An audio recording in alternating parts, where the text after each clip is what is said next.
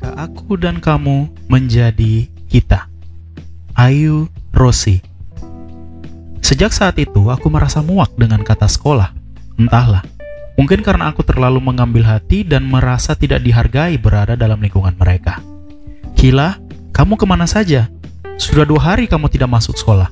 Tanya Ibu Ida yang merupakan wali kelasku. Saya, di di rumah bu, jawabku singkat. Kalau kamu di rumah, kenapa orang tuamu tidak memberitahu ibu seperti biasa? Jelas ibu Ida. Saya yang minta bu, singkatku. Mau saya telepon orang tuamu? Ancam Bu Ida. Saat itu, aku hanya memandangi langit-langit ruangan kantor. Seandainya yang ada di hadapanku bukanlah orang tua, pasti aku akan lawan dan mengelak. Apa yang sedang kamu pikirkan? Tanya Ibu Ida lagi. Ya bu, saya berbohong dan saya minta maaf. Saya bolos tanpa sepengetahuan orang tua saya. Ada alasan apa kamu berani bolos seperti itu? Yang ibu lihat sih, kamu sedang ada masalah. Kamu itu baru sebulan sekolah di sini dan masih kelas 10, tapi sudah berani bolos. Ucap Bu Ida. Saya baik-baik saja kok bu, lagi malas aja, hehe. Ku jawab Bu Ida dengan berbohong. Ibu bisa baca tatapan matamu yang berbohong, gila. Cerita saja sama ibu. Siapa tahu ibu bisa bantu toh. Aku pun menceritakan apa yang sedang kualami saat ini. Merasa tidak dihargai dan dikucilkan karena aku berbeda dengan mereka. Perbedaan membuat mereka tidak menghargaiku. Mereka berbicara seenaknya dan tidak memikirkan bagaimana perasaanku. Terkadang aku hanya diam dan mencoba untuk bersabar. Tapi rasanya kesabaran itu hilang ketika mereka benar-benar tidak menganggapku lagi. Kenapa kamu mengambil hati? Mungkin mereka hanya ingin bercanda dan ingin dekat denganmu. Jelas Bu Ida. Bercanda nggak harus kayak gitu kan Bu? Mereka keterlaluan Bu. Kadang mereka membicarakan aku di belakang dan suka mengejekku. Ya memang, tapi tidak semua seperti itu. Karena masih ada kok yang berteman sama kamu. Kamu hanya melihat sebelah mata gila. Cobalah lihat yang lain. Iya bu, ada. Tapi saya jerah dengan ledekan-ledekan mereka seperti itu ada beberapa yang membuat saya jadi malas. Pertama, ada Joko yang suka menganggap dirinya paling benar, Bu. Dia kayaknya benci, Bu, sama saya. Setiap saya ajak bicara, dia selalu tertawa dan tidak menganggap saya. Kedua, Lita. Dia terkadang baik sekali, tapi dia tiba-tiba berubah judes kalau sudah bergabung dengan teman-temannya. Yang terakhir ada Bani, yang suka menyontek sama saya, Bu. Tapi dia tidak pernah bilang terima kasih sama saya, Bu. Jelasku lagi supaya Bu Ida mengerti akan persoalanku. Nanti ibu akan panggil siapa yang meledek kamu tadi.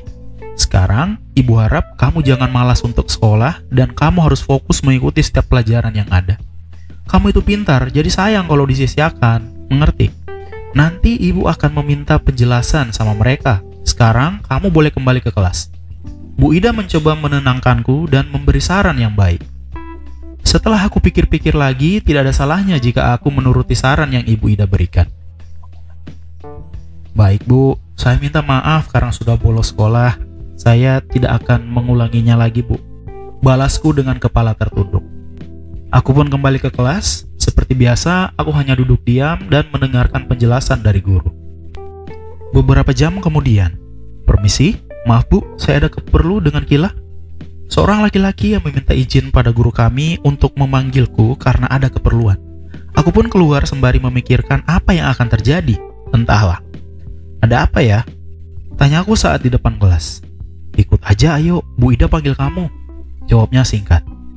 Aku pun mengikuti laki-laki itu dan melihat lebih jelas. Sontak aku teringat bahwa dia adalah salah satu siswa yang sering kali menggangguku. Selamat siang, Bu. Ini kilanya sudah datang, sapanya. Ya, duduk kalian berdua. Sebentar, ibu panggilkan yang lainnya, seru Bu Ida. Kami hanya mengangguk dan duduk manis sambil menunggu Bu Ida memanggil yang lainnya entah siapa melalui telepon. Tidak lama kemudian, datang segerombolan orang-orang yang selama ini aku tidak sukai. Orang-orang yang selalu menggangguku karena sebuah perbedaan. Ya, karena kalian sudah berkumpul di sini, ibu mau bertanya terlebih dahulu kepada Joko. Seru Bu Ida memulai percakapan serius kami.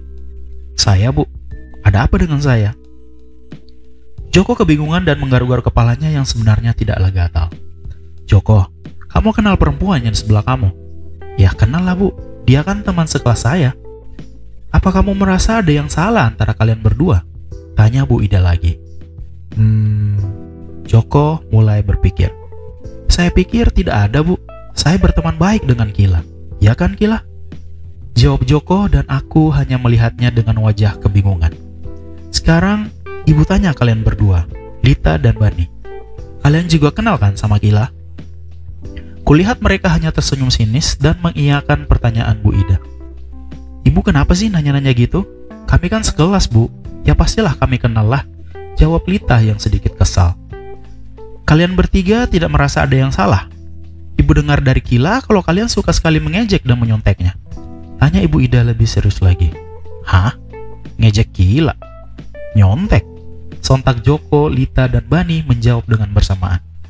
Hahaha, enggak lah bu, masa kita ngeledekin teman sendiri? Ya kalau nyontek kan wajar bu, saya nggak bisa, Kila kan pinter bu, jawab Bani. Ya, ibu tahu kalau kamu tidak pintar Bani, tapi kamu harus belajar bukan nyontek sama teman. Jawab ibu Ida sedikit marah. Baik bu, maafkan kami, saya suka mengejek Kila karena menurut saya dan teman-teman dia susah untuk bergaul, Bu. Dia selalu menutup diri untuk bergabung dengan kami. Jawab Lita dengan wajah serius dan sebentar-sebentar dia melirik ke arahku. Baiklah, ibu sudah menemukan permasalahannya. Ibu akan membantu kalian berdamai dan menyelesaikan permasalahan ini. Bu, kami tidak bermaksud untuk menyakiti Kila. Kami pikir kami bisa bergaul baik dengan Kila. Ya, kami sadar, ternyata cara kami bercanda itu salah. Seru Joko mencoba menjelaskannya. Iya, emang salah bercanda. Jangan bawa-bawa kepercayaan kan bisa. Aku emang beda sama kalian, tapi jangan ledekin aku dong, jawabku. Iya, kita minta maaf ya, Kil. Tapi harusnya kamu terbuka sama kami. Jadi nggak ada salah paham kayak gini. Maklumi kami juga ya, soalnya kami pertama kali dapat teman yang beda agamanya. Seru Bani. Tolong maafkan kami dan kami janji gak akan bercanda kelewatan. Semoga kita bisa jadi teman dekat ya Kil dan kita bisa berbagi. Seru Joko lagi yang membuat hatiku sedikit tenang. Ya udah, aku maafin. Soalnya aku diajarin buat maafin orang lain.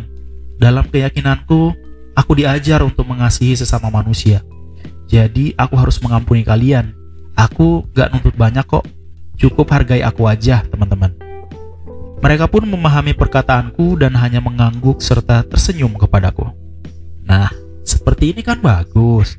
Karena perbedaan itu jika disatukan sangatlah indah. Bayangkan, jika pelangi hanya ada satu warna, akankah dia tampak indah? Tuhan menciptakan pelangi itu dengan berbagai warna. Tujuannya adalah supaya menghasilkan warna yang indah. Sama halnya dengan kita.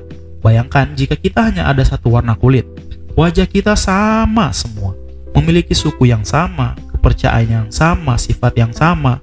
Kalau semua sama, bagaimana kita menerapkan cara menghormati perbedaan? Jadi, ibu harap kalian bisa menjadi teman baik, bergaul dengan baik. Oke?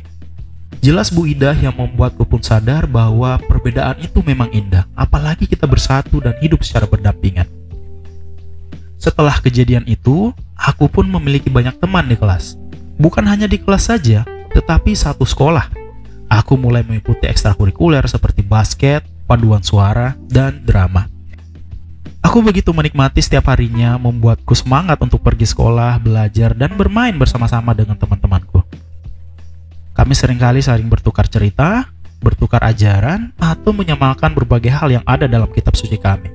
Ternyata, kami menemukan banyak hal atau ajaran yang sama. Hal itu membuat kami menjadi semakin akrab dan saling menjaga perasaan satu sama lain Bahkan orang yang dulu aku kenal jahat ternyata begitu baik dan ceria. Aku salah menilai mereka, dan begitu pun dengan mereka yang salah menilaiku. Terima kasih teman, karena sudah mau menerima perbedaan ini.